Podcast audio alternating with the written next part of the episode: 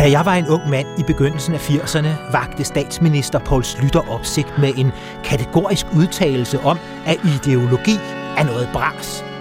Vabbehar, en konservativ statsminister, der forkaster ideologi? Mit navn er Claus Rothstein.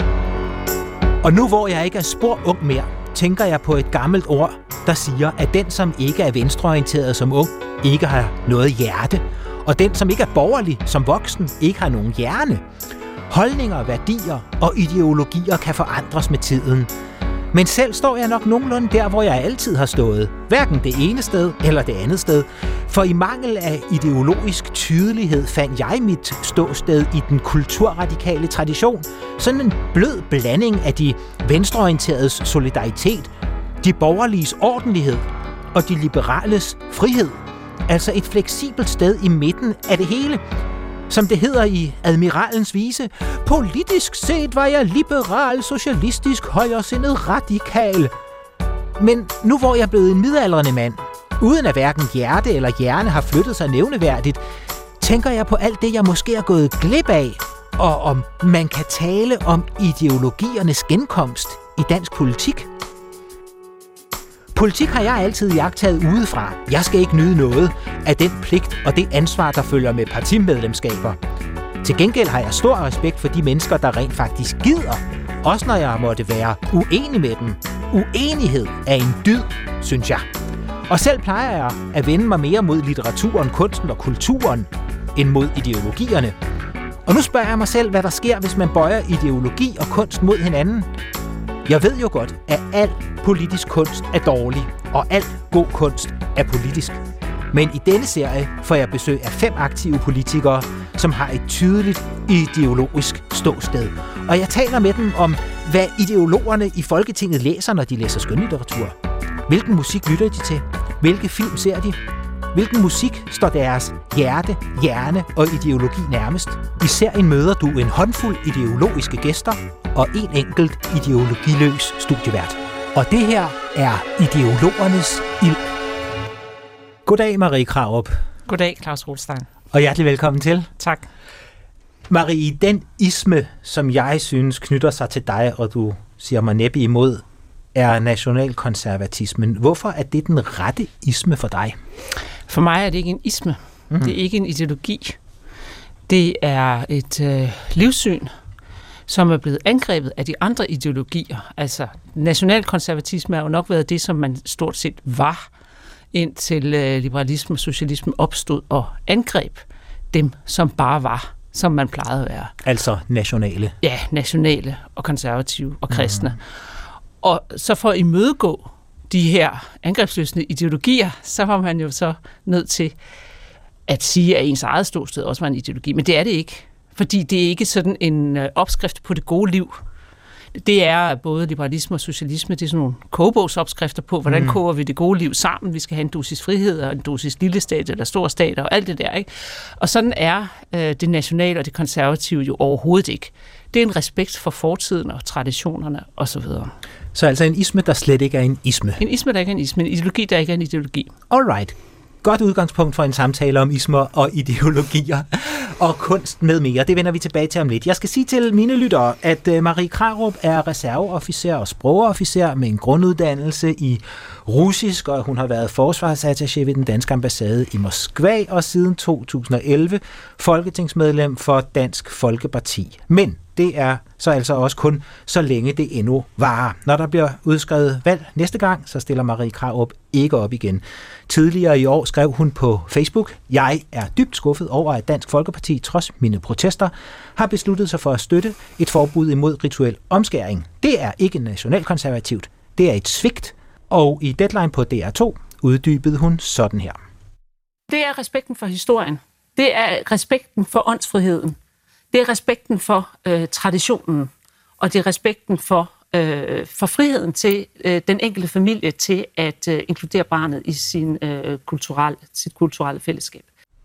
Marie Krarup har kæmpet en masse nationalkonservative kampe på kulturens, politikens, religionens og værdiernes valgplads, og en af hendes kæpheste handler om Rusland og vores forhold til bjørnen. Man demoniserer øh, og man er meget fokuseret på konfliktproblemer, og man får en masse blinde punkter over for, hvad Rusland egentlig er. Ja. Og derfor fremstår Rusland meget, meget truende og farlig, og det er jo blevet meget væsentlig del, kan man sige, af vores øh, debat herhjemme. Hmm. Marie Karup, øh, omskæringsdebatten, Ruslandsdebatten, begge dele knytter sig meget til dig, og det er ikke fordi, jeg vil i detaljer med den her øh, omskæringsdebat. Det, der interesserer mig i den forbindelse her, det er, når du, når du vælger at øh, forlade Folketinget på grund af en uenighed i partiet om retten til rituel omskæring. Siger du så ikke også farvel til en vigtig platform, hvor du er bannerfører for nationalkonservatismens sag? Jo, det gør jeg. Øh, øh, men jeg siger jo så ja tak til en anden vigtig platform. Og det er jo, at jeg er gymnasielærer. Det glemte du i din introduktion. Før jeg blev valgt til Folketinget, havde jeg seks år som gymnasielærer. Og øh, det er efter min mening en ekstrem vigtig opgave. Som du vender tilbage til, Som altså. jeg vender tilbage ja. til, og som jeg glæder mig til at vende tilbage mm. til. Og jeg har diskuteret meget med mig selv, øh, om jeg hører til i Folketinget, og det mener jeg faktisk ikke, at jeg gør. Mm. Øh, jeg mener jo, at den her kulturkamp for dansk kultur og åndsfrihed og alt det, som vi står for i Danmark for kristendom, er ekstremt vigtig. Og på et tidspunkt var det vigtigt at kæmpe den i Folketinget, det var nødvendigt for at få stoppet indvandring, fordi det er udelukkende en politisk beslutning. Mm. Men øh, eftersom at de fleste partier har overtaget Dansk Folkepartis øh, holdning på det område, så er den ikke helt så vigtig længere. Og derfor mener jeg, at jeg er bedre til at kæmpe kulturkampen uden for Folketinget. Altså ligesom mine søstre, der er præster, min far, der er præst, eller var præst, nu er han jo pensioneret. Men det er jo faktisk derude i civilsamfundet, hvor man står på mål for sit eget liv og sine egne værdier og sin egen forhåbentlig gode undervisning. Det er jo faktisk der, værdierne bliver skabt, som er det, der skaber det Danmark, som vi får i morgen. For selvfølgelig kunne vi blive ødelagt af indvandringen, men øh, når indvandringen jo stort set er snart er under kontrol, så er det jo først og fremmest ud i civilsamfundet, at øh, den vigtige kamp skal stå. Og derfor synes jeg simpelthen, at jeg hører bedre til derude. Det vil sige, at kampen er faktisk vundet, sådan så du kan forlade Folketinget i god ro og orden og vælge dig en anden kampplads, nemlig øh, opdragelsen, hvad jeg sige, det er trods alt gymnasie, øh, ungdom, vi taler om, men dannelsen af kommende generationer ude på gymnasiet. Jeg vil sige, at kampen er jo ikke vundet, for der er jo stadigvæk rigtig meget, men det vigtigste, det med, at øh, man fik øh, lukket ladeporten, det er jo stort set, stort set sket. Øhm, og det var noget, man kun kunne gøre fra Folketinget. Og det var derfor, at min far gik ind i, i Folketinget, så det var derfor, jeg overtog faklen. Men, øh, og jeg kunne godt blive derinde nu, det kunne jeg sådan set godt argumentere for, men jeg mener ikke, at jeg er skabt til det, men jeg er særlig god til det. Og hvis jeg så bliver tvunget til at gå på kompromis med ting, som er umulige, så er det i hvert fald, altså, så kan det slet ikke lade sig gøre. Så øh, jeg har respekt for dem, der sidder derinde og vil blive der og har videt deres liv til det, men det er slet ikke, øh, det er slet ikke den måde, jeg, øh, Altså, det er ikke det, jeg har skabt. Så du har altid været sådan lidt modvillig folketingspolitiker? Absolut. Jeg, som far sagt, er det en form for værnepligt. Jeg har aldrig synes, jeg har hørt til derinde. Øhm. Marie Krav, vi har talt sammen i få minutter. Du har nævnt din far fire gange eller noget ja. i den retning allerede. Søren Krarup spillede selvfølgelig en meget, meget stor rolle øh, som ideolog bag Dansk Folkeparti og øh, skaberen af den danske forening, den tidværvske bevægelse, Komiteen mod flygtningeloven 1983, og startede det her opgør, som du siger nu, næsten har ført til, at sejren øh, kan proklameres, og du kan gå til andre jagtmarker. Øhm, er det Dansk Folkepartis fortjeneste, at, øh, at du nu kan blive gymnasielærer igen, i stedet ja. for at være værdikæmper? Ja, det er det. Dansk Folkeparti har spillet en utrolig vigtig historisk rolle, og nu håber vi så, at det bærer frugt på den måde, at det rent faktisk bliver gennemført og fastholdt de her øh, stramninger i udlændingepolitikken selvfølgelig.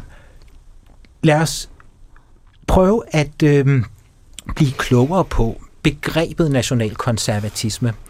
Jeg kan godt lide, at du siger, at det er en isme, der ikke vil være en isme, øh, eller en ideologi, der ikke er en ideologi, men mere er en åndsstrømning, eller hvad man skal sige. Isme kan man jo tidsnok blive. Respekt for fortiden, respekt for traditionen, respekt for det, vi står på, som i høj grad er kristendommen. Det konservatisme, du taler om, det er nogen vil mene, at det også var reaktionært og øh, bagudskuende, men vi, vi, vi forstår pointen. Øh, hvem er øh, nationalkonservatismens øh, hovedfigurer? Hovedfigurer? Ja. Jamen, altså, det er jo, altså, i, i, i øh, de sidste 100, eller de sidste 50 år, der er det min far. Det, der var altså, han igen. Og, og Jesper Langballe. Øh, øh, på nogle punkter en, en Lars Hedegaard, men det er så kun på det øh, udlændingepolitiske. Men der taler du ind i en samtidskultur, øh, øh, ja. Kultur, ikke, som ja. er inden for mands minde. Altså mm-hmm. hvis vi, hvis vi øh, skal trække skal de store tilbage. linjer tilbage. Oha, jamen, øh, så er det, så er det Grundtvig, Kirkegård, Blikker. Øh, det er sådan de helt store kanoner. Jeg troede, du ville sige Harald Nielsen. Øhm, det kunne jeg også gøre, men øh, nu er jeg ikke selv specialist i Harald Nielsen. Det er der så andre, der er, det er din far. I, i, i min familie. Ja. Din far var 22 år, da han skrev en bog om Harald ja. Nielsen, så vidt jeg ja. husker, som jo var den store øh, litterat og åndsfyrste professor, som var Georg Brandes fjende. Ja. Alt det Georg Brandes stod for, stod Harald Nielsen for det modsatte. Ja. Ikke? Øhm, mens, mens jeg som jo bekender mig til den her forkædrede kulturradikale tradition, som jeg synes samler en masse gode ting fra forskellige ismer. Du ser meget skeptisk ud, ikke? I skulle bare se, hvordan Marie Kraup ser på mig nu. Øhm, jeg kan føre linjer tilbage til brandesianismen, ikke? men øh, også til Grundtvig og så videre. Hvorfor nævner du ikke Harald Nielsen, som er den store nationalkonservative tænker?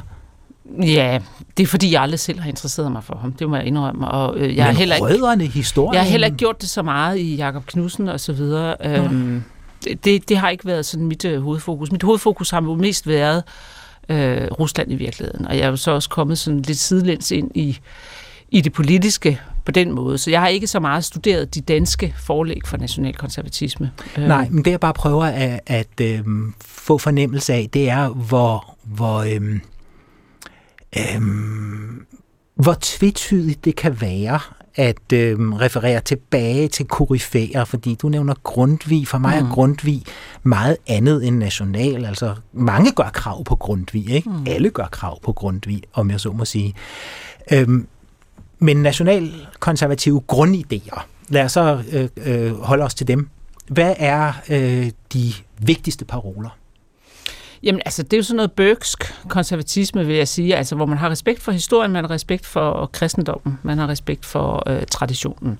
Og øh, vores øh, tradition er jo lige præcis kristendommen og det nationale.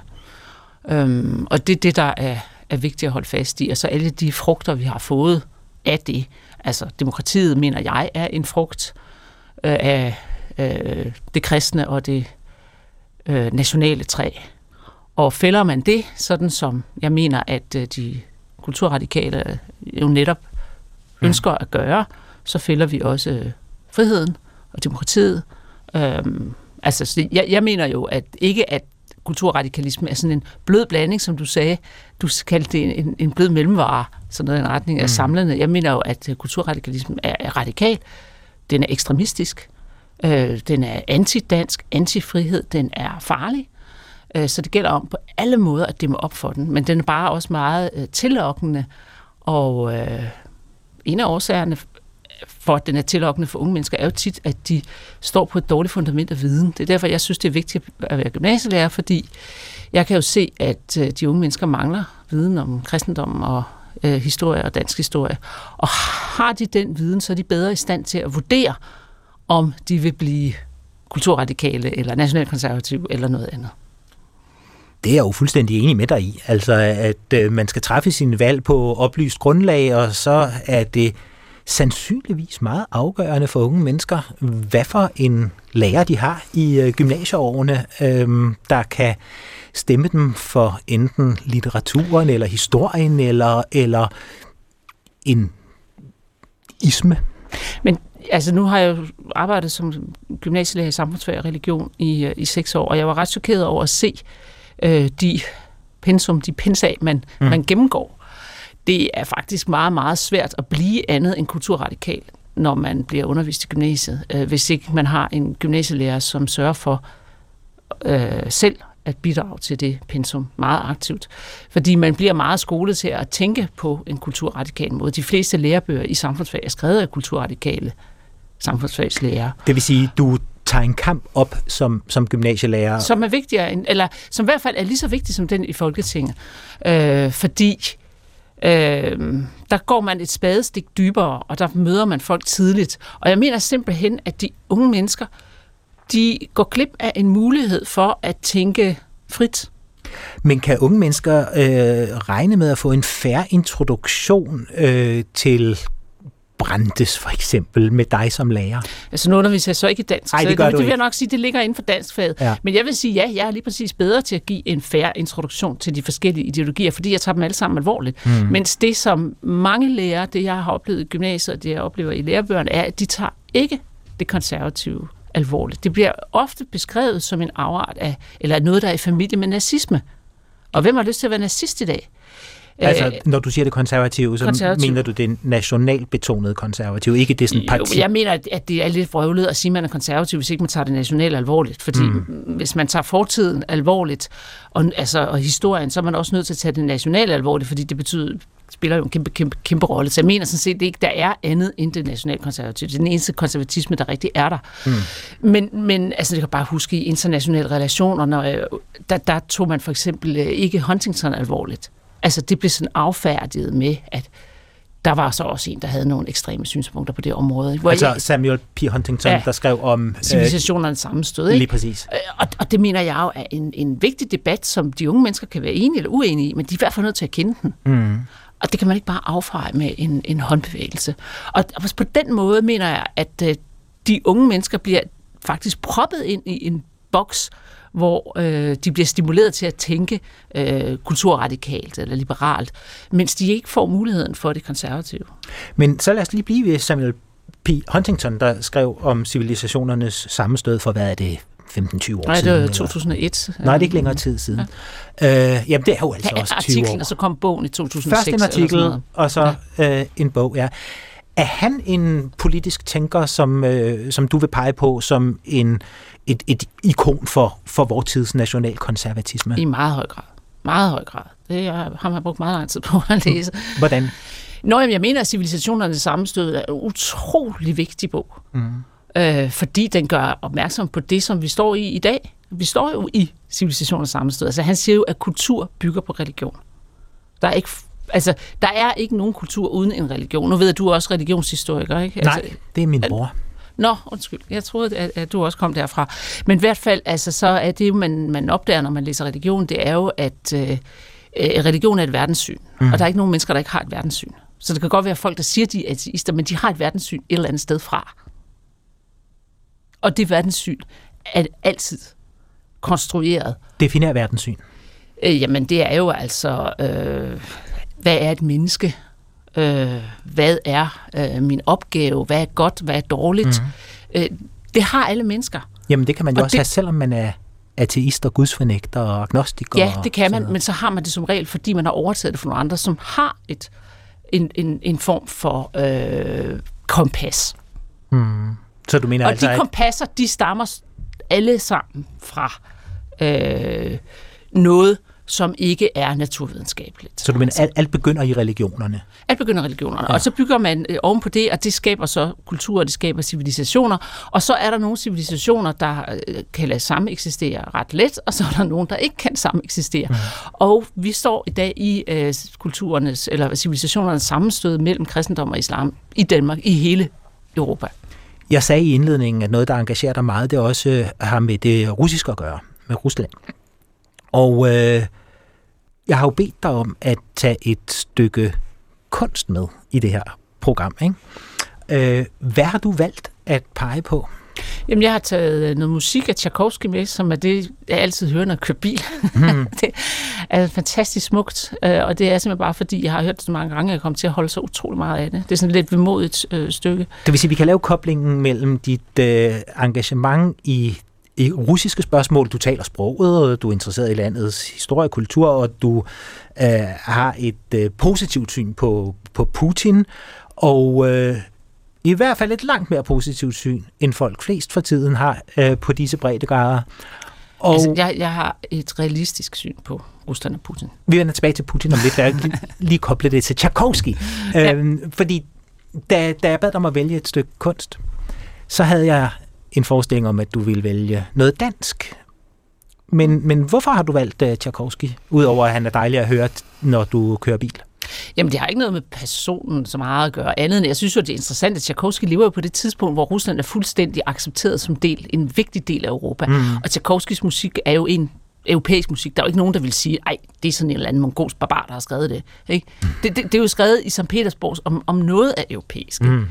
Men så er det bare, altså det tiltaler mig så meget, den musik, altså nu det er kammermusik, og det er sådan en, en, en vemodig, det er skrevet en så mod stemning efter øh, en af hans venner var død. Ja. Men, men det er en fantastisk øh, betagende øh, musik.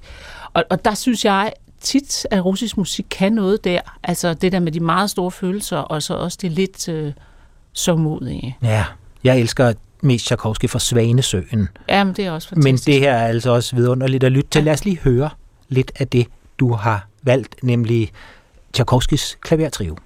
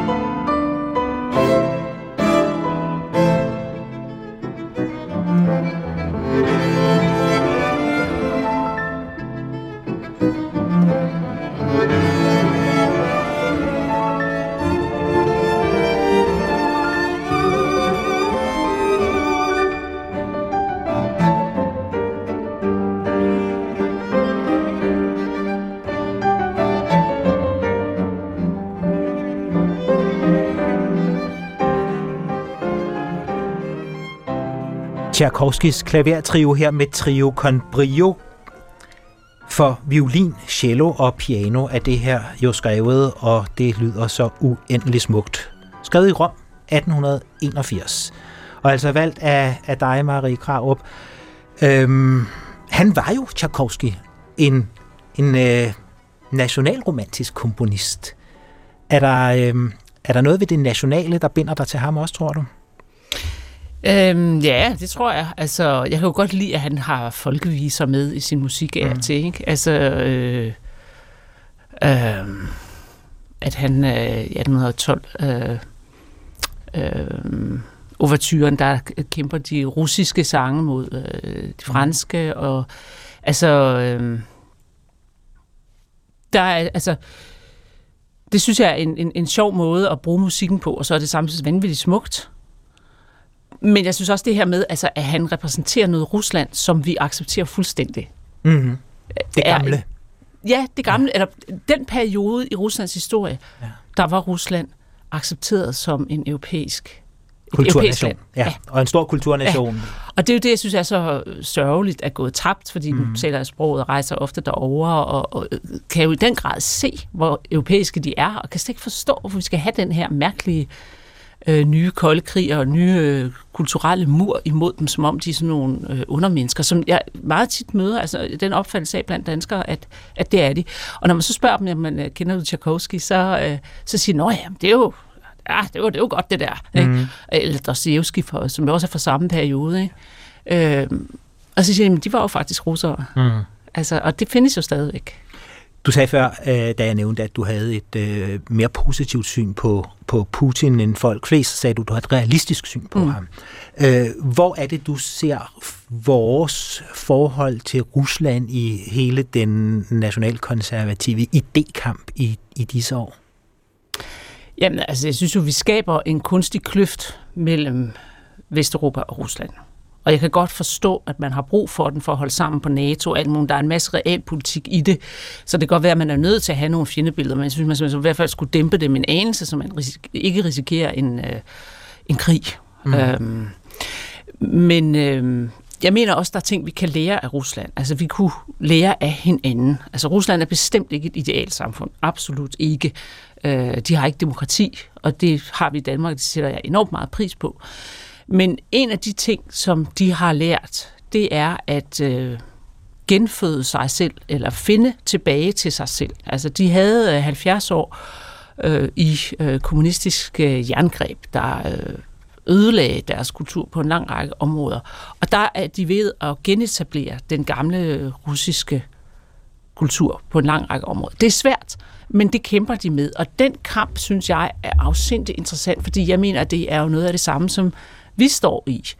Vores øh, problemer er bare anderledes end skyld, de skyldes, øh, at vi har negligeret vores egen kultur i meget lang tid, blandt andet på grund af kulturradikalisme og internationalisme, og så at vi har øh, tilladt en meget stor indvandring fra kulturfremmede lande. Så vi står der og kan ikke rigtig finde ud af, hvad vores kultur er.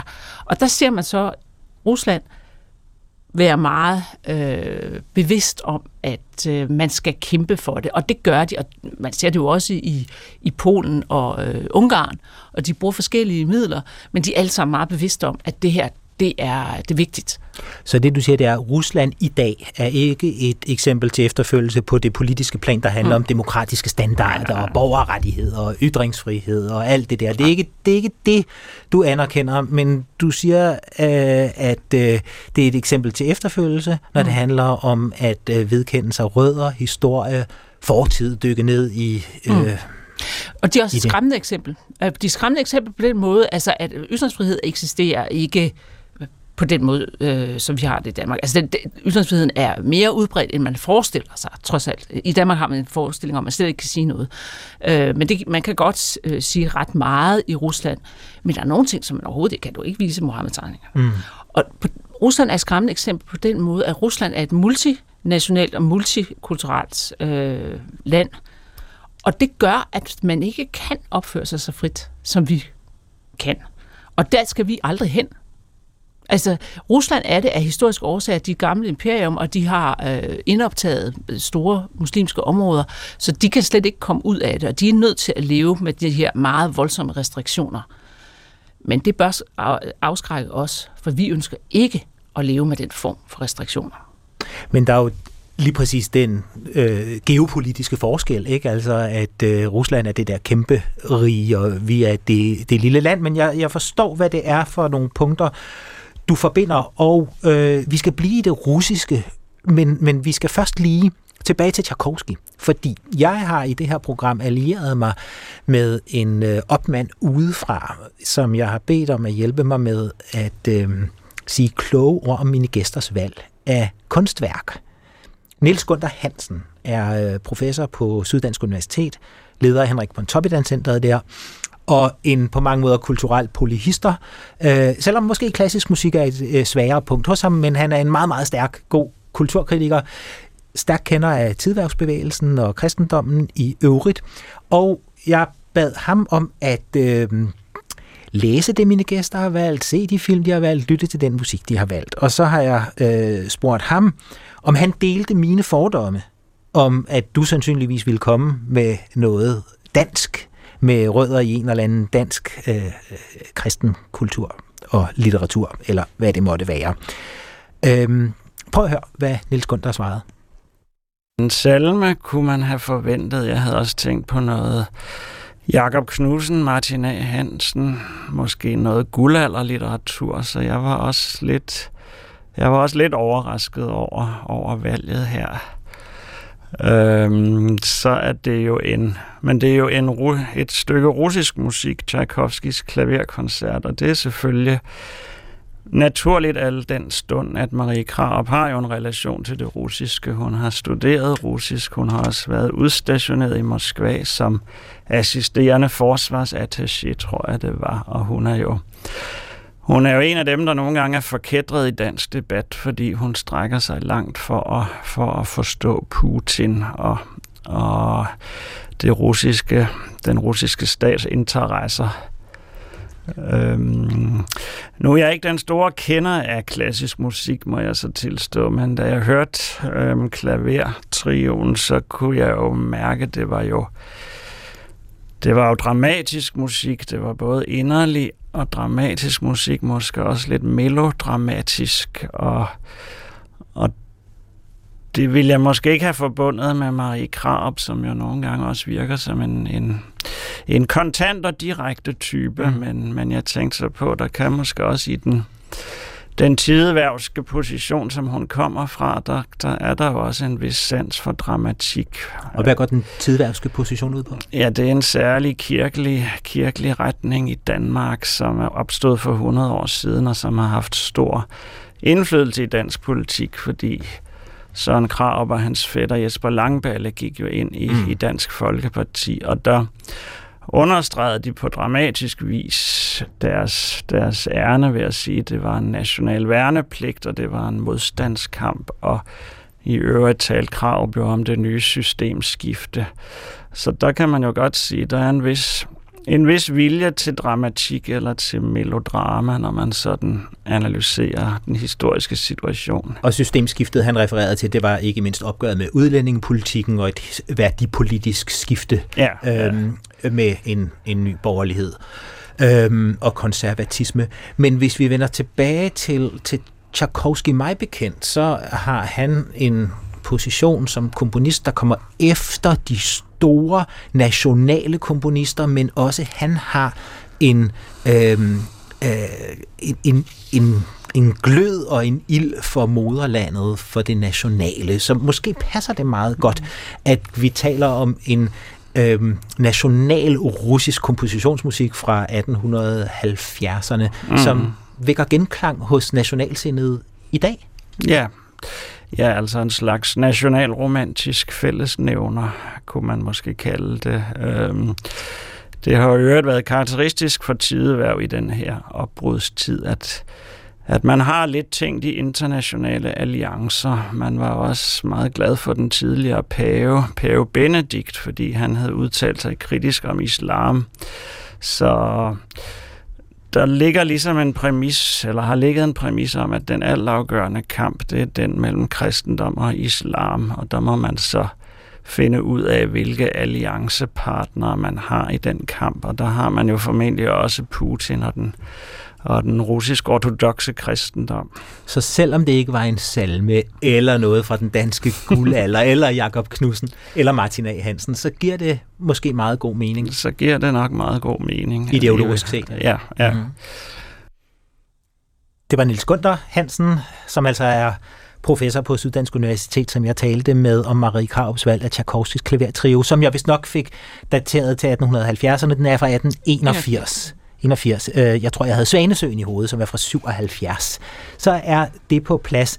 Øh, det, det vender jo lidt tilbage til det, vi talte om, før vi hørte klippet med Nils Gunther. Øhm, med Tchaikovsky, det nationale, og Nils han taler om en nationalromantisk fællesnævner.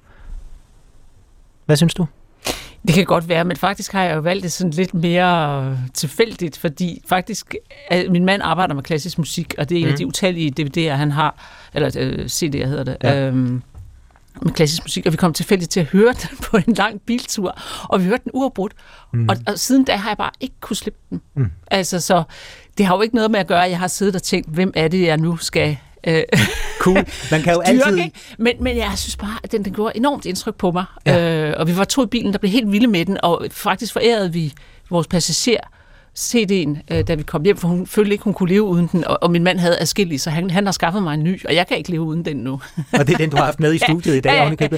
Men det er jo dejligt, fordi man kan jo altid tænke ideologiske eller politiske motiver ind i, i det, men det her det er jo et rent æstetisk, øh, lidenskabeligt valg af musik, mm. du elsker. Øh, da vi spurgte dig, hvad for noget kunst du kunne overveje at tage med, og jeg jo altså havde de her fordomme om, hvor du ville lede, og Niels Gunther delte tydeligvis de fordomme, øh, så de ting, du sagde, du overvejede, det var alt sammen faktisk russisk.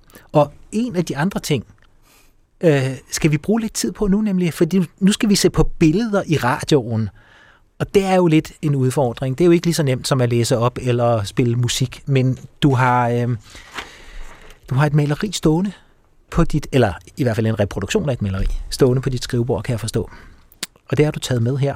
Jeg har det foran mig. Hvad er det for et billede? Jamen, det er Ilya Glazunovs øh, billede af det evige Rusland, som han øh, malede i øh, 1988. Og Ilya Øh, Glazunov er... Hvem er han?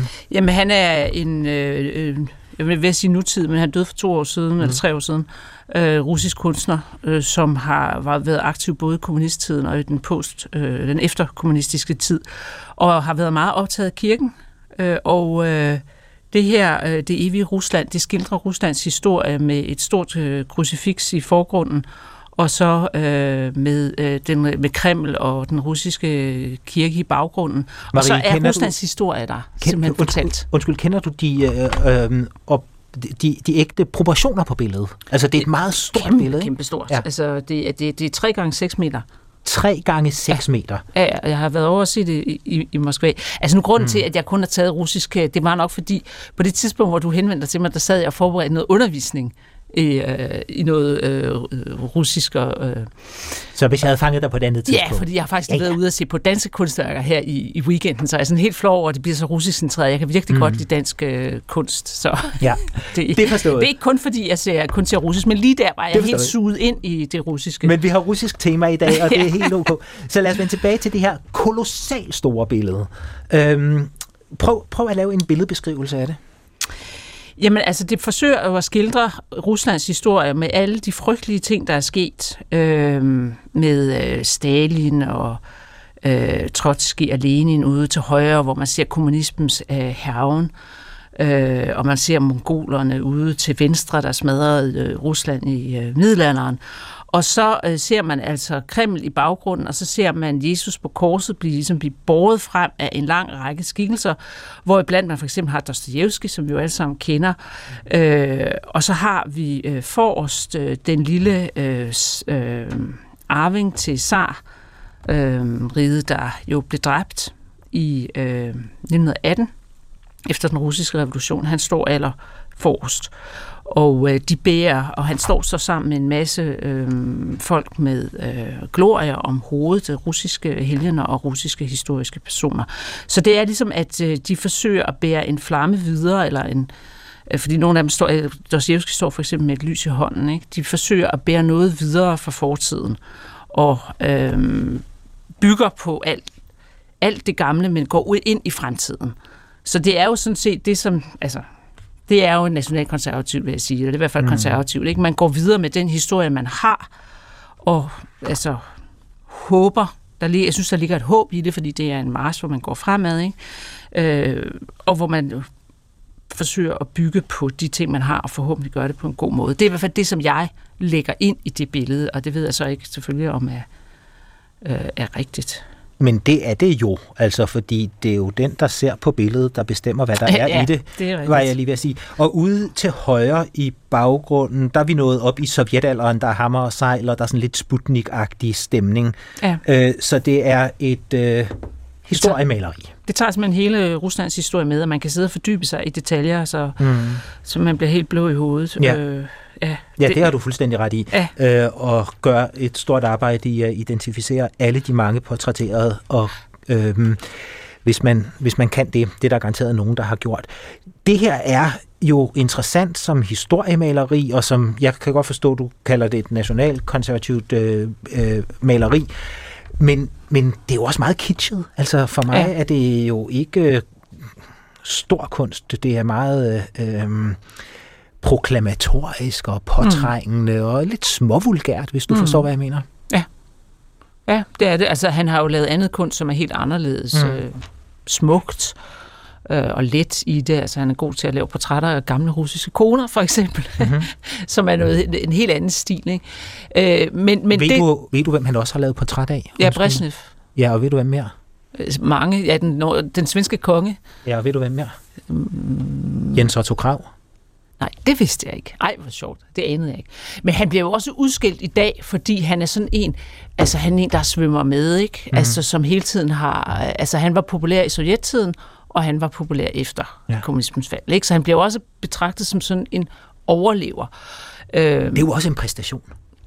Ja, og det er jo ikke altid beundringsværdigt, det kan man godt sige. Ikke? Hvorfor? Men, Nå, fordi du mener, man sådan placerer sig ja. altid ved det rigtige bord. Ja, mm. øh, det, men øh, jeg synes jo, det som er interessant ved ham, det er, at han er interesseret i, at den gamle russiske historie, den gamle tradition, skal genopleves. Og da han begyndte tidligt at skildre de der kirker, de forfaldne kirker i det russiske landskab, altså det var også før murens fald, at han gjorde det.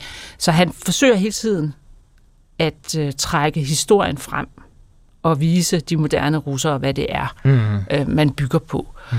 Uh, og så er det rigtigt, det er ikke alt sammen noget, som man vil kalde, altså man kan godt kalde det kitschet og, og ja, helt, helt sikkert uh, programmatisk. Uh, det, men det fortæller en, uh, en historie, mm. uh, og, og jeg ville på en måde ønske, at vi havde sådan nogle uh, malere også. Uh, Altså, den maler, vi taler om her, hvis nogen har lyst til at øh, finde billedet på nettet, øh, så skal I lede efter Ilya Glasunov, og maleriet hedder altså Det evige Rusland på russisk Vetnaya Russia. Øhm, og som sagt, han har også lavet portræt af Jens Otto Krav, og Jens Otto Kravs kone dengang, skuespiller Helge Virkner. Det kan man også finde billede af. Øhm, men du vil ønske, at der var nogen, der havde lavet noget tilsvarende om, om, om Danmark, men det kan jeg da godt se for mig. Det findes der. Altså gå ind på øh, Københavns Rådhus, der er øh, væggene overmalet med historieskildringer af øh, dansk kultur og historie. Altså vi dyrker da vores egen fortid, vi dyrker da vores egen historie. Synes du ikke, vi Nej, gør det? Synes jeg, ikke. jeg synes ikke, vi gør det i moderne kunst. Altså jeg synes, vi er ret øh, dårlige til at øh, gøre vores egen kultur og historie spændende og interessant og smuk og vedkommende. Mm. Det ville jeg ønske, man havde mere af, altså for eksempel inden for øh, film og bøger. Ja, altså et, et, øh, et mere et mindre negativt syn på det. Altså det hele taget mere interesse for det, øh, og så ikke så fordømmende, fordi jeg synes, vi kan godt blive meget fordømmende, når vi har med, øh, med fortiden at gøre. Det var ligesom om, der var vi gamle, eller der var man uvidende og barbarisk. Og... Det er sjovt, du siger det, fordi jeg synes jo ofte, at, øh, at kunsten har et romantiseret forhold. Ja, eller romantiserende forhold fortiden. Det er jo den ældre kunst, ikke? Nej, også samtidslitteratur, samtidsfilm og sådan noget, der romantiserer fortiden. Det synes jeg ikke. Altså, hvad, altså hvis du tænker på sådan en film som 1864, ikke, der gjorde altså, fuldstændig forfærdelig film, der det ved jeg godt. I altså, var, jeg, jeg, var, jeg var ikke stor fan af den, men, men øh, jeg ved godt, at I havde politiske indvendinger mm. mod den, men samtidig så synes jeg jo, at den står og søber også i sådan en romantiseret almue, øh, romantik og den slags. Så øh, hvis du trækker ja, den, den politiske ikke. konflikt ud af den, så er det da bare et frilandsmuseums øh, øh, øh, romantiseret portræt af fortiden. Jamen, det var da også et, et, altså et grotesk portræt. Ikke? Det havde jo ikke noget med med historie at gøre. Ikke? Altså, og der ville jeg ønske, mm. at man var bedre til at lave historier, som kunne gøre øh, Danmarks historie nærværende og interessant. Sådan ja. som man jo ser for eksempel i amerikanske og britiske tyske serier. Mm-hmm. Øhm, men lad os lige blive i det spor så, fordi 1864 til side, den debat er ligesom overstået mm. i flere omgange. Øhm, hvad er det, du leder efter? Hvad er det, du savner? Eller hvad er det for nogle undtagelser, du måske også kan få øje på, hvor samtidskunsten øh, lever op til dine idealer om at øh, øh, måske ligefrem hylde eller øh, beskrive en, en øh, fortid, vi skal være stolte af? Åh, ja. jamen, hvad, hvilke positive eksempler har jeg? Jeg, har, jeg synes, Mm. det er svært at, øhm, at finde nogen. Altså nu skyldes det måske også, at jeg har overfokuseret på Rusland, fordi jeg har undervist øh, i det Ja. øh, de sidste år, hvor jeg har været rejseleder øh, i Rusland. Mm. Men jeg synes, det er svært at finde noget øh, dansk, som øh, ikke sådan øh, ligesom frænger af, af fortiden. Altså, så skal vi hen til sådan noget, sådan noget badehotellet, ikke, hvis man Nå, skal ja. Ikke? Og det er jo sådan, altså, en anden øh, klasse. Ikke? Mm. Altså, nu vil så sige, nu så jeg så lige filmen øh, om Kaufmann i øh, USA under øh, 2. verdenskrig. Den danske ambassadør Ja. i Washington under 2. verdenskrig. Det er jo en fantastisk film, som netop tager historien meget, meget alvorligt. Det mm. synes jeg var, øh, var en rigtig positiv oplevelse. Ja. Så det, det, altså, det kan godt laves. Men Marie Krav, lad os, lad os så lave et tankeeksperiment om, at øh, du ikke pensionerer dig som politiker for at blive øh, øh, gymnasielærer, men bliver i politik, og øh, I går i regering. Det burde I have været på et tidspunkt, da I forpassede chancen, og du får tilbudt øh, kulturministerposten, og siger ja tak til den. Hvad er det så, du vil øh, bruge den post til? Du kan jo ikke skrive manuskripterne eller bestemme, hvad der skal produceres. Man skaber jo kun nogle store, brede rammer, men man kan jo sagtens bruge positionen til at sætte en kulturværdidebat i gang. Øh, det har vi set mange kulturminister gøre med stor gennemslagskraft. Hvad ville du kunne bruge sådan en post til i nationalkonservatismens interesser? Jamen, jeg ville jo nok forsøge at bruge krudt på at forsvare det danske sprog. Det kan godt være, det mere hører under undervisning og, og, og forskningsområdet, men jeg synes, det danske sprog er truet. Mm. Øh, vi bruger engelsk i for høj grad. Øh, så der burde man gøre noget. Og øh, så burde man øh, forsvare kristendommen. Og der har man så som politiker bundet på hænder og fødder. Der kan man ikke rigtig gøre noget, fordi det jo er folkekirkens område. Men folkekirken gør ikke nok. Men den vigtigste kamp, vi står i i dag, det er at sørge for, at øh, kristendommen overlever som vores kulturs øh, jordbund. Og øh, den mener jeg er troet, og den er troet af, at øh, mange præster simpelthen ikke øh, tager det alvorligt nok. Øhm, og det kan man ikke styre som politiker. Det kan man kun øh, appellere til. Og det er også derfor, jeg siger nogle gange, altså, at præster og lærere er vigtigere end politikere. Jeg forstår. Men og kunne man- forældre er selvfølgelig allervigtigst. Men, men, men kunne, man, kunne man bruge, ville du kunne bruge Kulturministeriet, som jo er, en sekulær kampplads, kan man sige, ikke? men øh, ville du kunne knytte til øh, kulturpolitik, værdipolitik, øh, til det kristne, øh, ja, det ved jeg godt, du rigtig gerne ville, men altså, hvordan, hvordan vil du praktisere Altså, nu tror jeg ikke, at jeg skal være kulturminister. Jeg tror, jeg Ej, gør mere gavn ude, ude i gymnasieklasserne, men, men jeg tror, at nogle af de ting, som ville have en positiv effekt, det er jo, hvis man skaber kunstværker, som betager. Altså sådan en som Ingemanns romaner, for eksempel. Det, mm. det, var, det var en, kultur, en dansk kulturrevolution, hvor øh, flere generationer blev optaget af dansk historie og lavede kunstværker på baggrund af det. Ikke? Men det kan man jo ikke som kulturminister sådan tvinge igennem. Altså, nej. vi opfinder lige en ny Ingemann, som så laver, og han skal så ikke skrive romaner, han skal lave film, ikke? Mm. Fordi det er jo den måde, man fortæller historier i dag. Han skal lave tv-serier. Han skal lave tv-serier, ikke? Det skal Det- på Netflix og sådan noget, ikke? Og det skal tale dansk. Og, mm. øh, det kan man jo ikke opfinde, men man kan selvfølgelig lede efter det. Man kan prøve at promovere øh, danske film om danske forhold og om dansk historie.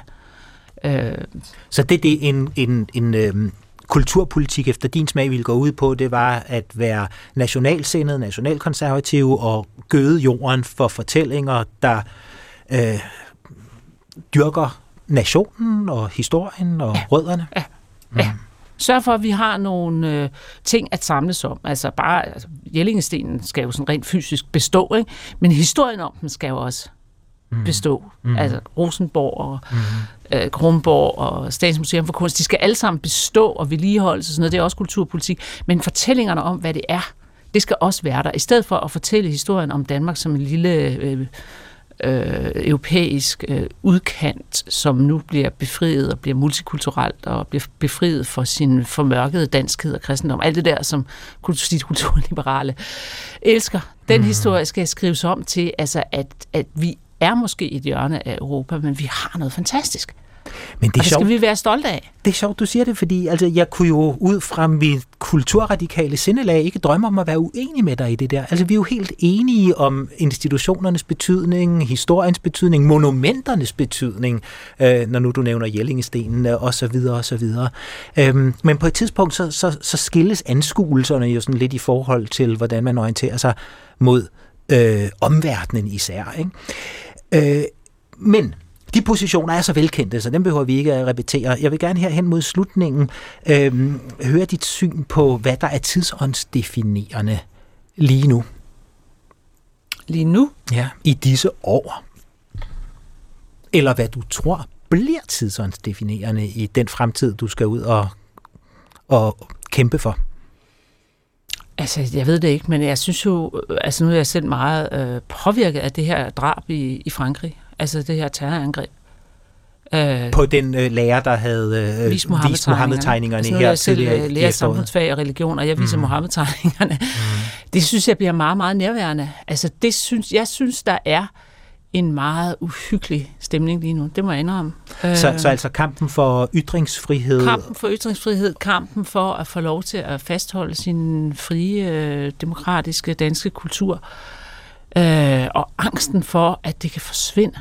Altså angsten for selvopløsning, angsten for at blive overvundet af en mørk, uhyggelig magt. Øh, det tror jeg er en, desværre, meget desværre, er en grundstemning i dag.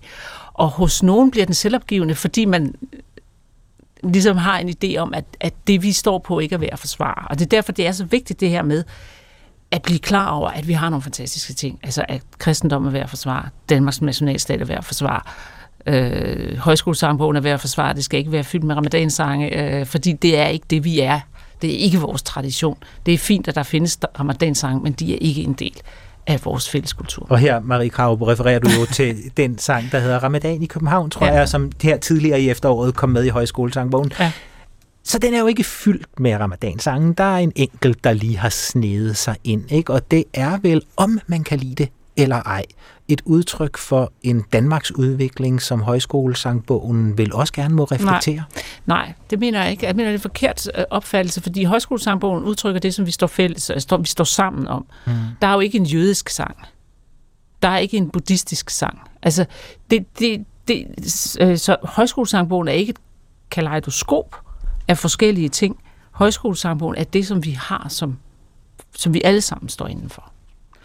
Og, og derfor mener jeg, at det er forkert at tage, tage ramadansangen med. Fordi vi skal ikke have alle, altså alle 5 millioner skal ikke have hver deres sang, og så er det Danmark. Danmark er ikke summen af individer. Danmark er øh, en fælles fortælling. Men hvad så, Marie Krav, hvis en dansk-jødisk forfatter for 100 år siden havde skrevet en sang, en tekst, der blev sat i musik, der hed Hanukkah i København, og den var kommet ind i højskolesangbogen det ville ikke være kommet, fordi det er jo, altså jøderne øh, skal have lov at være jøder og øh, øh, respektere i den grad vores danske jøder. Men vi har jo ikke Hanukkah fælles. Det er jo ikke en fælles dansk ting. Det er jo en, en, en, en lille minoritet, som har det for sig selv. Jo, jo. Men, og det skal de have lov til. Men det er da ikke det, vi samles om i Danmark. Men masser af minoritetsudtryk har jo plads i den danske kultur og kulturhistorie og kanon. Ja, men det er ikke den bærende. Men det må ikke komme ind i højskolesangbogen. Nej, fordi det er det, vi er fælles om. Det er ligesom det, vi samles om. Mm. Og det synes jeg er enormt vigtigt at holde fast i. Det er også derfor, at øh, jeg synes, det er vigtigt, at vi har religionsfrihed i Danmark, men jeg synes også, det er vigtigt, at vi for eksempel i de offentlige institutioner viser, at vi bygger på vores egne danske kristne traditioner. Derfor har man ikke islamisk tørklæde på der. Derfor har man ikke fri på islamiske helligdage osv. Altså, der er noget, som den danske kultur bygger på, og så er der noget, som selvfølgelig har lov til at være der, fordi en del af den danske kultur er lige præcis også at give frihed. Mm. Øh... Men det er ikke det, vi bygger på. Vi bygger ikke på islam, eller heller ikke på jødedom. Vi har kun få minutter tilbage. Øhm, og jeg spurgte før om, hvad der tidsånds definerende.